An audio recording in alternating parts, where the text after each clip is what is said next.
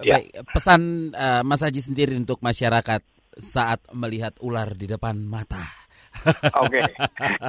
Kalau pesan umumnya waspada, Oke. tapi jangan bunuh ular. Karena ular ini adalah satwa liar yang habitatnya paling dekat dengan manusia. Justru paling dekat ya. Justru paling dekat. Hmm. Kita mencari ular di mana pun itu lebih mudah daripada mencari satwa liar yang lain kayak musang, Ya. celeng itu kan di Jakarta susah. Tapi kalau ular ke mana pun kita bergerak kita bisa ketemu. Tapi jangan dibunuh karena ular ini bagian dari ekosistem rantai makanan. Ular ini memangsa semua hewan pemakan tumbuhan, Mas, herbivora. Jadi rantai makanannya harus dijaga. Kalau ular dihilangkan, akan ada ledakan populasi mangsa yang merugikan kita sendiri.